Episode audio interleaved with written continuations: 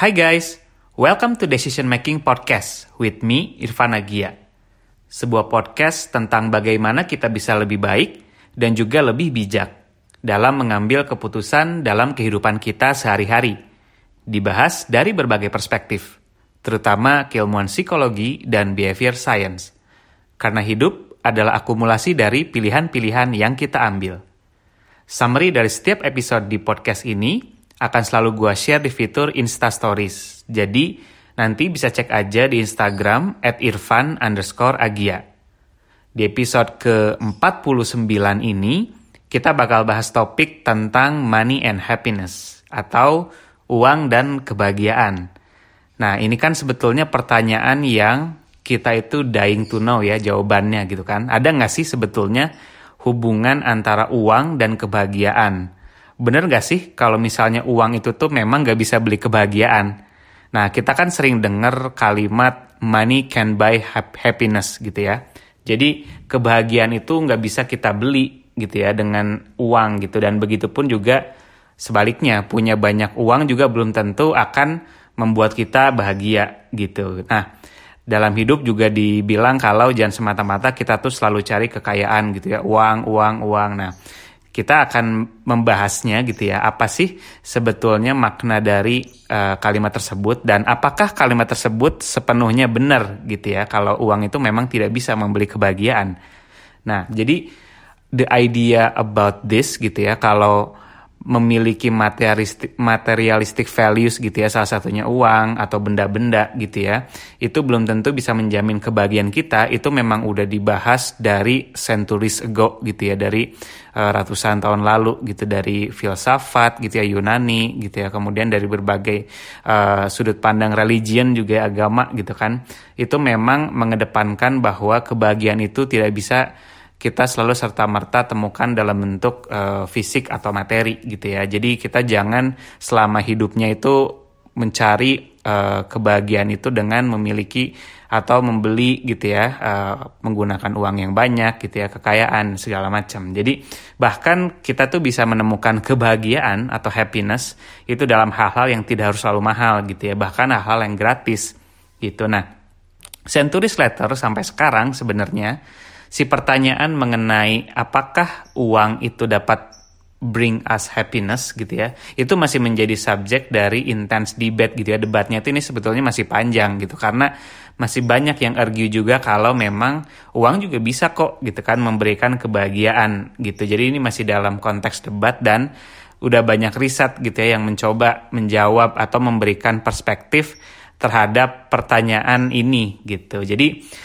Padahal ya sebenarnya kalau kita lihat faktanya uh, culture dari kita gitu ya budaya dan keseharian kita itu uh, mengenai konsumsi itu tuh berkembang pesat sekali gitu ya sampai detik ini sampai hari ini kita lihat kita hidup di era informasi ya keterbukaan informasi era digital gitu ya yang uh, membuat kita ini sebenarnya jadi lebih konsumtif sebetulnya dan kalau kita lihat juga cermati sehari-hari hampir semua kegiatan kita, hampir semua aspek kehidupan dalam uh, yang kita jalani itu selalu, semua revolve around money gitu ya.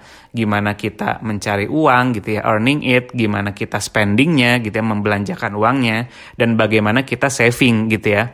Me, apa menyimpan gitu ya ada atau menjaga uang kita gitu. Jadi selalu it's it's all about earning it spending it and saving it gitu. Jadi Uh, apalagi di era sekarang gitu ya yang tadi sempat kita bahas yaitu jadi semakin konsumtif. Misalnya sekarang kalau kita lihat ada artis atau orang terkenal gitu ya menggunakan atau mempromosikan merek A misalnya kita jadi ingin membelinya juga gitu ya karena kita bisa dengan mudah mendapatkan informasi dan juga membeli barang tersebut lewat online misalnya ya Terus lagi tren misalnya makanan atau barang A gitu ya banyak dipakai orang, dimakan orang gitu ya.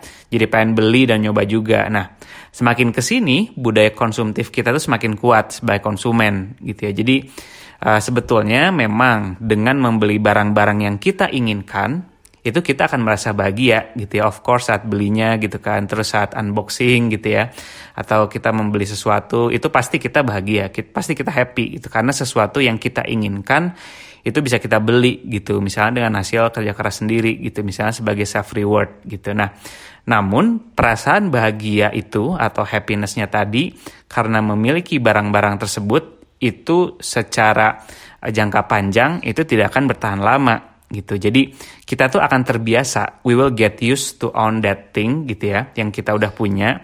Dan ketika ada barang baru, tren baru gitu ya, misalnya kita yang di advertising gitu yang dimarketingkan kepada kita gitu ya kita akan merasa pengen lebih banyak lagi punya barang baru gitu ya dengan tren baru gitu kan atau barang yang belum kita punya terus menerus gitu dan kita pengen memaintain those feelings of uh, keeping with the trend gitu nah ini yang banyak dibilang sama psikolog ini sebagai hedonic treadmill gitu ya. Jadi keinginan kita yang tidak uh, apa cepat merasa puas gitu ya owning something terus terus terus dan inilah yang jadi mendorong budaya konsumtif gitu. Nah, jadi balik lagi ke pertanyaan awal gitu ya, apakah memiliki uang gitu ya yang banyak gitu misalnya itu bisa bring us happiness atau bahkan justru jadi ini ya, jadi apa? Jadi uh, disguise gitu ya. Apakah justru dengan kita banyak uang gitu ya, kita jadi punya banyak godaan dan dan it's a root of our misery gitu ya. Justru jadi bahan ketidakbahagiaan kita gitu ya. Karena kita tadi hedonic treadmill terus gitu ya.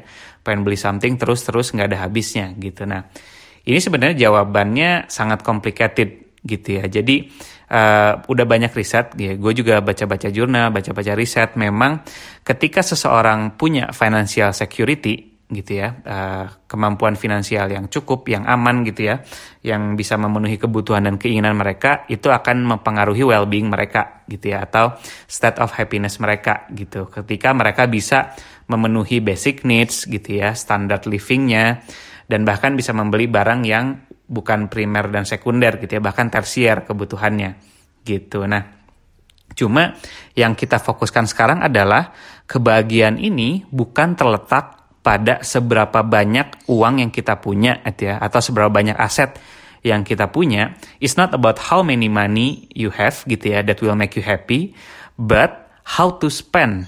Gimana cara kita spending atau menggunakan uang yang kita punya tersebut itulah yang akan menentukan kebahagiaan kita gitu. Jadi di episode kali ini uh, eh, gue akan share tiga tips gitu ya dan juga tiga tiga topik yang kalau kita spending money terhadap tiga hal ini atau tiga aspek ini itu akan membuat kita scientifically speaking itu lebih happy gitu ya.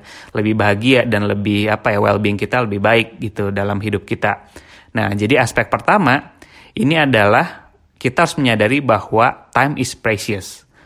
Waktu itu sangat berharga. Jadi belilah waktu gitu ya sebanyak mungkin gitu. Nah ini it sounds paradoxical gitu ya lah Padahal kan sebetulnya kita nggak bisa beli waktu gitu. Waktu itu nggak bisa kita beli gitu. Jadi uh, ini memang secara konsep, secara teori kita memang tidak bisa membeli waktu gitu. Tapi practically speaking kita bisa membeli waktu gitu. Nah contohnya gimana sih?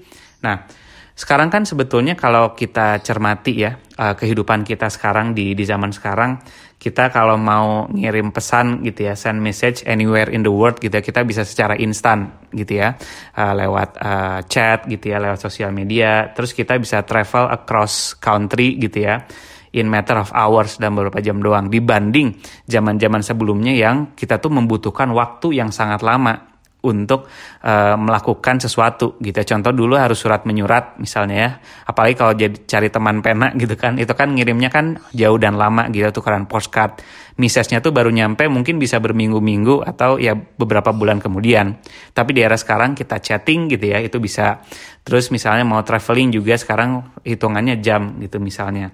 Nah, itu untuk menunjukkan bahwa ada perubahan dimensi waktu gitu ya dengan uh, meningkatnya teknologi. Nah, despite of this technological advance gitu ya, banyak sekali kalau kita dengar bahkan mungkin kita sendiri gitu ya ngerasa kita ini uh, kekurangan waktu gitu ya. Jadi uh, we think and we feel uh, we're running out of time gitu ya. Kita tuh kurang waktunya untuk belajar untuk bepergian untuk istirahat tuh ngerasanya kurang gitu ya. Walaupun di zaman sekarang itu sudah sangat dimudahkan gitu. Nah ini fenomena yang disebut sama psikolog namanya time famine gitu ya. Jadi ini adalah it's not about uh, how busy our calendar is gitu ya. Ini bukan bukan apa kesibukan kita yang ngerasa bikin kita jadi kurang waktu, tapi ini adalah internal state of anxiety gitu ya. Kita punya kecemasan gitu ya atau belief dan concern kita tuh nggak punya waktu yang cukup untuk melakukan semua hal yang kita inginkan.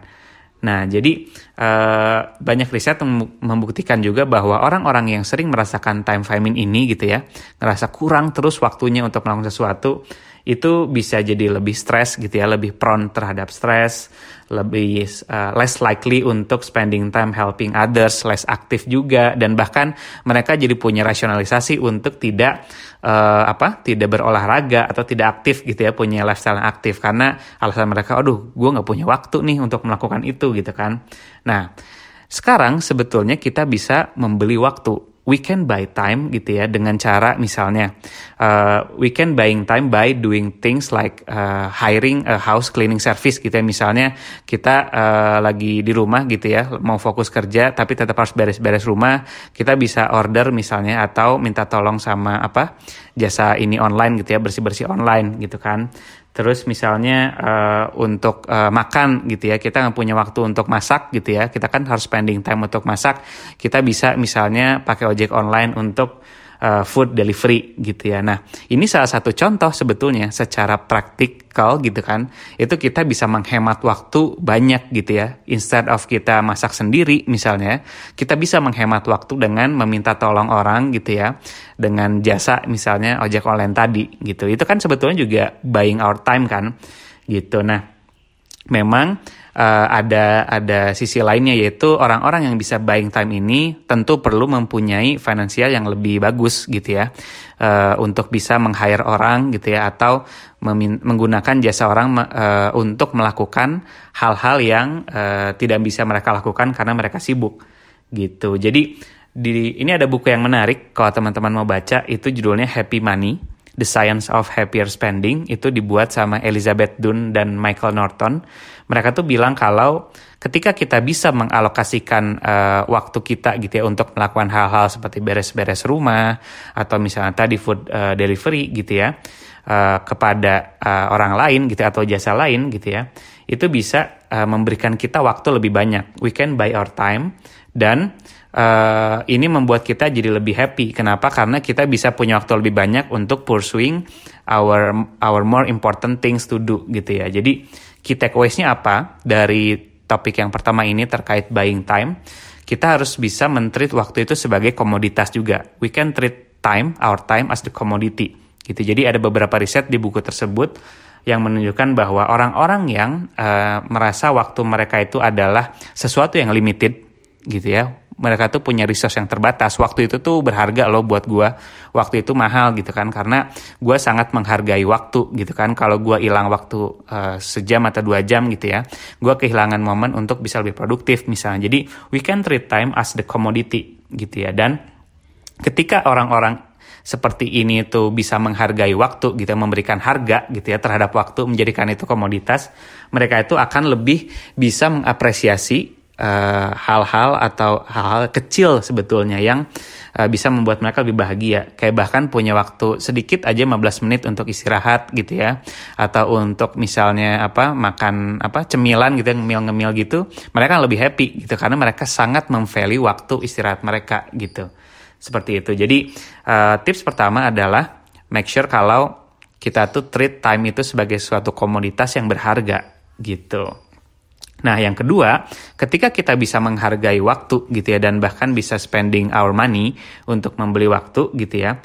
Use those extra minutes gitu ya, waktu yang kita beli itu untuk melakukan sesuatu yang lifting our mood gitu ya atau uh, berhubungan dengan banyak orang atau social connection gitu kan. Jadi uh, ketika seseorang yang membeli waktu untuk uh, digunakan aktivitasnya itu sosial activities gitu ya atau untuk istirahat dan juga yang main game misalnya untuk meningkatkan mood mereka akan lebih uh, happy in a long term gitu kan karena mereka jadi merasa bisa mengalokasikan, mengalokasikan waktu untuk hal-hal yang produktif bagi mereka dan membuat mereka happy dan connect dengan orang lain seperti itu. Nah, that's why buying time to do experience gitu ya atau pengalaman gitu ya is another way to maximize our joy, our happiness uh, in spending gitu. Nah, uh, terkait pengalaman ini akan masuk ke topik kedua gitu ya, yaitu tentang invest in experience. Kalau tadi kita yang pertama adalah spending money untuk buying time, sekarang yang kedua adalah spending money to invest in experience atau pengalaman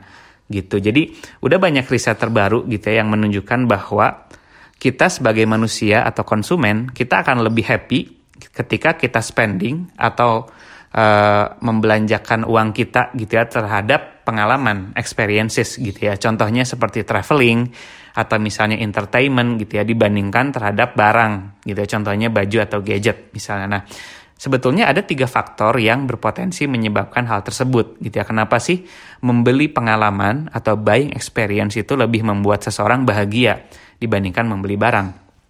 Yang pertama adalah aspek sosial jadi pengalaman itu lebih memberikan kebahagiaan karena memberikan kita kesempatan atau chance untuk terkoneksi dengan orang lain gitu aktivitas kayak traveling misalnya itu memberikan kita waktu untuk menjalani aktivitas tersebut dengan orang lain seperti teman misalnya atau keluarga atau bahkan ketemu teman baru gitu ya.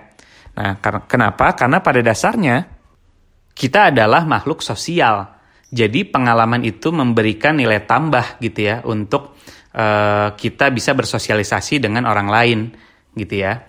Nah, terus juga uh, terkait experience, aspek kedua kenapa pengalaman ini jadi lebih memberikan kita kebahagiaan adalah aspek jati diri. Gitu. Jadi, pengalaman-pengalaman yang kita beli gitu ya atau kita lakukan itu punya significant role untuk membentuk jati diri kita atau identitas gitu ya. Jadi contohnya misalnya aktivitas yang kita lakukan, contohnya kita uh, spending waktu untuk hiking gitu ya atau main off-road gitu ya, main uh, mobil off-road misalnya. Nah, kita mencoba menemukan jati diri dan mendefinisikan diri kita sebagai seseorang yang independen, misalnya dengan melakukan aktivitas dan pengalaman seperti itu. Senang adventure misalnya. Terus misalnya kita uh, spending time untuk experience gitu ya, kuliah di luar negeri misalnya. Itu juga membentuk forming our identity juga gitu kan sebagai seseorang yang misalnya perantau yang independen gitu kan seperti itu. Nah, bahkan gak jarang juga gitu ya kita menemukan waktu untuk berkontemplasi gitu saat kita melakukan aktivitas-aktivitas tertentu. Nah, jadi ketika kita buying experience misalnya soal traveling, itu juga kita jadi punya waktu lebih untuk uh, berkontemplasi gitu ya, uh, mencari tahu jati diri kita tuh seperti apa gitu ya. Dan punya waktu lebih banyak untuk mendefinisikan gitu ya ideal self kita tuh akan seperti apa gitu ya. Kita pengen jadi seperti apa sih orangnya ke depannya seperti itu. Nah, aspek ketiga itu adalah aspek ingatan atau memoris gitu. Jadi dengan membeli pengalaman gitu ya, ini sebetulnya yang paling kuat gitu ya, aspek paling kuat yang membuat ini tuh menjadi lebih membahagiakan dibandingkan kita membeli barang, yaitu dengan kita melakukan aktivitas gitu ya, dengan membeli pengalaman, kita memiliki memori atau ingatan terhadap aktivitas tersebut. Memori ini tuh lebih kuat dibandingkan kita ingatannya mengenai barang atau memiliki sesuatu gitu. Jadi experience atau pengalaman itu memberikan kita cerita yang berkesan dan itu tuh bisa kita kenang dan bagikan bertahun-tahun setelahnya. Jadi kita tuh bisa mengenang dan merefleksikan pengalaman-pengalaman diri kita yang dulu dan bisa menciptakan nostalgia gitu kan. Nah, saat kita ke depannya mengalami stres, hopeless misalnya atau hilang kepercayaan diri, nostalgia ini tuh memiliki uh, kemampuan gitu ya uh, dan memberikan kita lagi pengalaman-pengalaman positif kita sebelumnya. Jadi akan membantu kita mengurangi stres tersebut dan menciptakan emosi-emosi positif.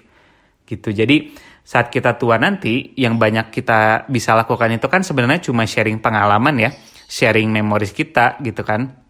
Sharing juga pengalaman-pengalaman kita dulu waktu muda dan ngasih wisdom ke orang-orang yang lebih muda. Jadi semakin banyak pengalaman yang bisa kita bagikan, itu tuh semakin baik. Nah, namun ada juga yang membedakan. Nah, membedakan ini apa sih? Yaitu ada aspek lain atau dimensi lain dari membeli pengalaman, yaitu social class. Jadi, spending money on experiences itu memang akan membuat orang itu bahagia. Tapi ini case-nya untuk orang-orang yang sudah uh, lebih mapan. Dalam arti mereka itu sudah mengerjakan tanda kutip pekerjaan rumahnya mereka. Dalam arti mereka sudah punya finance yang baik untuk memenuhi basic needs mereka gitu kan? Jadi mereka tuh punya alokasi lebih untuk uang untuk membeli pengalaman. Beda dengan orang-orang yang misalnya middle middle low gitu ya atau menengah ke bawah gitu. Mereka justru akan lebih happy ketika bisa membeli misalnya pelajar gitu ya. Pelajar yang menengah ke atas sama menengah ke bawah pelajar yang menengah ke bawah itu dia akan lebih happy ketika bisa beli barang contohnya tas gitu ya. Tas sekolah atau tas kuliah yang bisa dipakai sampai misalnya 3 sampai 5 tahun. Itu akan lebih membahagiakan mereka gitu kan. Karena mereka secara budget, secara finance lebih limited dan mereka akan fokus memenuhi kebutuhan primernya mereka dulu. Bisa jadi dalam bentuk barang. Nah, untuk para pelajar yang menengah ke atas, biasanya mereka tuh sudah memenuhi kebutuhan mereka dulu. Yaitu misalnya mereka udah punya tas bagus misalnya atau tas yang cukup untuk dipakai kuliah. Nah, mereka akan mengalokasikan uang yang mereka punya untuk membeli pengalaman. Contohnya misalnya nonton konser gitu. Jadi kita harus lihat konteksnya. Untuk membeli pengalaman itu akan lebih membahagiakan orang-orang yang memang sudah mengerjakan pekerjaan rumahnya, yaitu sudah memenuhi basic needs-nya gitu ya. Sedangkan membeli barang gitu ya justru itu mungkin bisa lebih membahagiakan orang yang secara kapasitas finansial itu lebih terbatas seperti itu. Jadi konteks ini tuh sangat penting untuk memahami bagaimana penggunaan uang itu tuh bisa mempengaruhi atau menentukan kebahagiaan seseorang, termasuk dalam perbedaannya membeli pengalaman atau membeli barang. Nah, yang terakhir, aspek ketiga yang membuat uh, membeli apa, uh, yang bisa menentukan happiness kita untuk spending adalah spend to others. Gitu dalam arti kita memberi kepada orang gitu ya. Jadi kita punya uang kita berikan uang tersebut untuk orang lain atau membeli barang yang bisa berguna untuk orang lain atau donasi gitu misalnya. Jadi another benefit dari investing di experience ini adalah kita tuh sebetulnya bisa men lebih meningkatkan lagi altruistic behavior. Altruistic behavior ini adalah perilaku untuk lebih aware dengan sesama gitu ya dan kita punya uh, apa kebutuhan untuk menolong mereka gitu tanpa pamrih. Itu namanya altruistik gitu. Jadi karena ini membuat kita itu jadi lebih thankful lebih apa berterima kasih terhadap what we have done gitu ya and what for what we have gitu jadi the feeling of gratitude ini juga akan memunculkan keinginan kita untuk sharing kepada orang lain gitu nah ini tuh menjadi signifikan karena spending money on others gitu ya itu banyak sekali riset menunjukkan itu akan meningkatkan well-being kita atau kebahagiaan kita gitu. Jadi bahkan in fact kita ini tuh sudah didesain untuk memberi gitu ya sebagai manusia. Jadi kalau kita lihat anak-anak kecil, children gitu ya, itu udah menunjukkan prosocial behavior atau perilaku menolong gitu ya. Itu tuh dari umur mungkin 2 sampai 3 tahun gitu ya. Karena itu itu akan berhubungan dengan reward system mereka di otak gitu. Jadi contohnya senang berbagi gitu ya dengan eh, teman-teman uh, lain yang yang yang seumuran mereka gitu. Misalnya mereka punya mainan atau punya sesuatu, mereka give it to others gitu ya untuk main bareng. Jadi kalau kita cermati dari kecil gitu ya sebenarnya kita tuh sudah di hardwired gitu ya didesain untuk uh, mendapatkan kebahagiaan dengan memberikan sesuatu kepada orang lain gitu. Dan bahkan dari sisi teori evolusi gitu ya altruistic behavior ini adalah survival trait gitu ya. Dan bahkan sama gitu ya seperti makan dan having sex gitu ya untuk uh, apa dari sisi teori evolutionary. Ini krusial karena uh, kita tuh membutuhkan cooperation untuk bisa survive gitu ya kita perlu social cooperation kerjasama gitu ya dan salah satu bentuknya adalah memberikan sesuatu dulu nih kepada orang lain dan sehingga membangun koneksi, membangun juga apa relationship sehingga kita bisa survive dalam satu grup gitu. Itu kalau dari teori evolusi gitu. Dan the best part is generosity itu tuh contagious atau menular gitu ya. Kebaikan orang-orang itu kebahagiaan ah, kebaikan kita dalam memberikan sesuatu kepada orang lain itu tuh menular gitu. Jadi ini juga bisa menginfluence spending habit kepada orang lain juga seperti itu. Nah, Ya tadi kan kita bahas ya tentang pembelian pengalaman gitu. Nah, gimana sih kalau beli barang? Emang kalau kita beli barang itu nggak akan bahagia ya? Atau kalaupun bahagia itu emang cuma bentar ya? Kalau gitu ya udah kita beli pengalaman aja semua nggak usah beli barang. Nah, tapi tidak seperti itu juga gitu ya. Jadi ada beberapa konteks di mana membeli barang ini atau buying things itu memang memberikan kita kebahagiaan gitu. Nah ini ada beberapa tips juga. Gue punya tiga tips untuk uh, how we spend money on things gitu ya membeli barang yang membuat kita tuh bisa happy-nya lebih long lasting gitu kan dibandingkan gelap mata doang atau ikut-ikutan tren gitu ya beli bahkan kadang bisa nyesel gitu ya aduh ngapain ya gue beli barang ini gitu kan ternyata nggak butuh. Nah tips pertama adalah utamakan membeli barang yang dibutuhkan bukan hanya diinginkan gitu ya. Ini basic rules untuk kita spending money gitu karena sering kali kita tuh banyak beli barang yang ternyata pas kita beli lama-lama oh ini kayaknya ternyata gue nggak butuh-butuh amat gitu ya. Jadi boros juga gitu ya. Tips pertama pastikan utamakan ya membeli barang yang kita butuhkan. Bukan hanya yang diinginkan saja. Nah tips kedua jika akan membeli barang lebih baik barang tersebut tuh dapat digunakan sebagai investasi juga untuk jangka waktu yang lama gitu. Nah contohnya seperti apa sih Contohnya misalnya ada brand mahal, misalnya brand baju gitu, baju mahal misalnya. Nah, tapi kita memilih modelnya misalnya yang timeless gitu ya, yang dalam arti uh, model ini tuh dan secara bahan gitu ya, itu bisa dipakai hingga 3 sampai 5 tahun ke depan. Dengan membeli barang tersebut misalnya justru akan lebih murah kalau kita lihat secara apa value-nya ya, value for money dalam jangka waktu lama. Misal 3-5 tahun ke depan gitu ya, kita bisa pakai baju yang sama gitu ya dengan model bagus, modelnya timeless, bahannya oke okay, dibandingkan kita selama 3-5 tahun itu ganti-ganti gitu ya, beli baju-baju baru, model baru gitu kan, tapi berkali-kali kalau dihitung bahkan lebih mahal gitu ya. Dan ini juga bisa uh, apa? Helpful terhadap sustainability juga gitu ya beli satu tapi yang durability-nya bagus misalnya ya jadi kita nggak boros juga gitu kan. Terus juga misalnya membeli barang itu membeli buku sebagai investasi. Jadi buku ini adalah contoh barang yang sebetulnya bisa kita ter sebagai investment juga karena kita belajar sesuatu dari barang tersebut dan itu bisa kita bawa gitu ya. Dan bahkan bisa menjadi skill baru untuk kita seperti itu. Jadi pastikan jika membeli barang itu yang punya sustainability yang bagus gitu ya atau bisa memberikan dampak uh, berkelanjutan bagi kita seperti itu. Nah, tips ketiga yang terakhir adalah membeli barang yang bisa memberikan kita pengalaman baru gitu ya. Jadi contohnya misalnya kita membeli sepeda. Nah, dengan kita membeli sepeda itu kan barang, tapi kita bisa menggunakannya untuk mempelajari hal-hal baru gitu ya. Contohnya misalnya kayak uh, ibu gua gitu ya. Ibu gua tuh uh, baru belajar sepeda itu tuh baru tahun ini gitu ya. Jadi dia beli sepeda tapi itu sepeda yang bisa membuat dia belajar hal baru gitu kan. Itu pengalaman baru dan itu juga bisa ditreat sebagai barang yang memberikan pengalaman gitu. Yang kedua juga contohnya misal beli sepeda itu bisa memberikan kita koneksi untuk misalnya uh, gabung atau ikut komunitas sepeda. Itu kan juga memberikan sosial chance gitu ya, social connection baru seperti itu. Jadi tiga tips tadi itu bisa kita pakai banget nih saat kita memutuskan untuk membeli barang biar kita happy-nya itu lebih long last. Nah, yang menarik juga adalah ini ada studi menarik sih yang menemukan kalau di beda dengan uh, adults gitu ya, orang-orang dewasa material things atau barang itu tuh lebih disarankan untuk dikasih kepada anak-anak kecil atau kids. Jadi kids ini akan lebih happy ketika dibelikan barang, bukan diberikan pengalaman gitu ya. Jadi ini ada riset terbaru dari University of Illinois Chicago gitu ya. Dia bikin uh, studi terhadap anak-anak umur 3 sampai 5 gitu ya. Nah, mereka tuh menemukan bahwa anak-anak kecil ini tuh lebih appreciate material things atau misalnya kado dalam bentuk barang misalnya boneka atau mainan gitu ya dibandingkan pengalaman.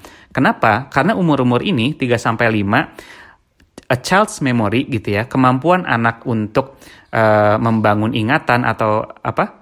preserving the memories itu tuh belum fully develop gitu ya, belum belum benar-benar seperti kita gitu ya yang ingat ingatannya tuh bisa lebih baik gitu. Jadi kalau kita tanya kan kadang kita lupa juga ya umur 2, 3, 4 tahun itu pengalaman kita apa aja. Tapi kita ingat misalnya sampai sekarang itu gue gua punya tuh mainan yang dulu dibeliin gitu kan.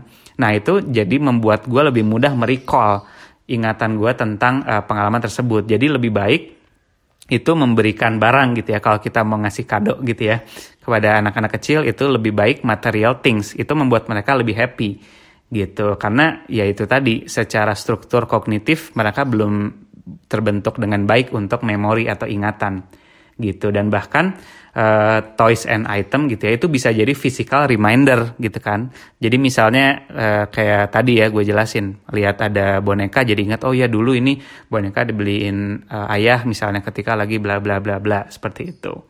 Nah jadi summary-nya uh, based on my point of view uh, memang secara direct gitu ya kita tidak bisa membeli kebahagiaan dengan uang. Tapi kita bisa menggunakan uang tersebut untuk uh, memberikan kita kebahagiaan gitu ya. Jadi uh, money itu tidak tidak apa ini masih complicated ya. Tapi based on my point of view kita bisa it's not about uh, how much money we have that uh, determine our happiness. Tapi it's all about how we spend our money gitu. Bagaimana kita spending uh, keuangan kita untuk membuat kita lebih bahagia gitu dan summary-nya adalah we can focus on human connection sebetulnya dari tiga topik tadi gitu ya jadi kita nggak nggak perlu shifting our spending habit dari material things ke semuanya experience enggak gitu ya. Jadi memang uh, kita tetap juga gitu ya pasti perlu membeli barang atau material. Tapi uh, yang paling penting kalau kita lihat garis merah dari ketiga topik tadi adalah human connection. Kita spending money untuk bisa uh, memberikan kita kesempatan untuk connecting with other people, with ourselves juga gitu ya.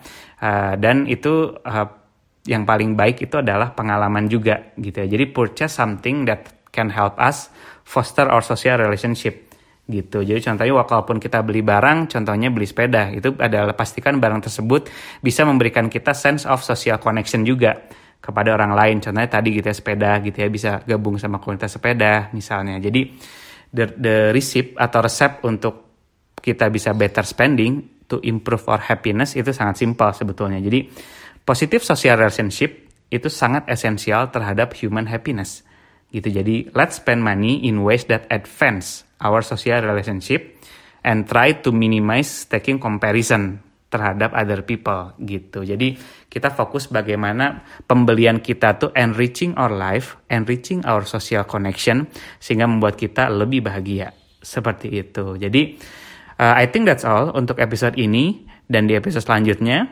gue akan bahas topik tentang forecasting 2021 gitu. Karena ini kita uh, sudah di penghujung tahun 2020 ini juga jadi episode terakhir uh, decision making podcast di tahun 2020 thank you banget buat teman-teman yang udah spending your time gitu ya uh, spending your uh, apa ini juga gitu ya bantu promosi juga dan nge-share ke orang-orang lain yang mungkin bisa merasa terbantu dengan podcast ini. Thank you banget and I, assure you uh, more to come di tahun 2021 gitu ya. Jadi next uh, episode-nya adalah kita akan forecast tentang 2021 trennya akan seperti apa aja, apa yang kita siapkan gitu ya, and how it can affect our behavior gitu kan, dan psychological aspeknya juga akan seperti apa gitu. Jadi uh, sampai jumpa teman-teman di episode ke-50 nanti di Januari, dua minggu lagi di 2021. Kalau ada request atau masukan tentang feedback, boleh banget email atau message gue di Instagram at irfan underscore agia. Kalau teman-teman merasa topik-topik podcast ini berguna atau memberi wawasan baru, uh, please share it to others. Ini bisa bagikan link konten podcast ini di Instagram juga misalnya. Because sharing is caring. Thank you and uh, stay healthy teman-teman and uh, we'll see you in the next year. Thank you. Goodbye.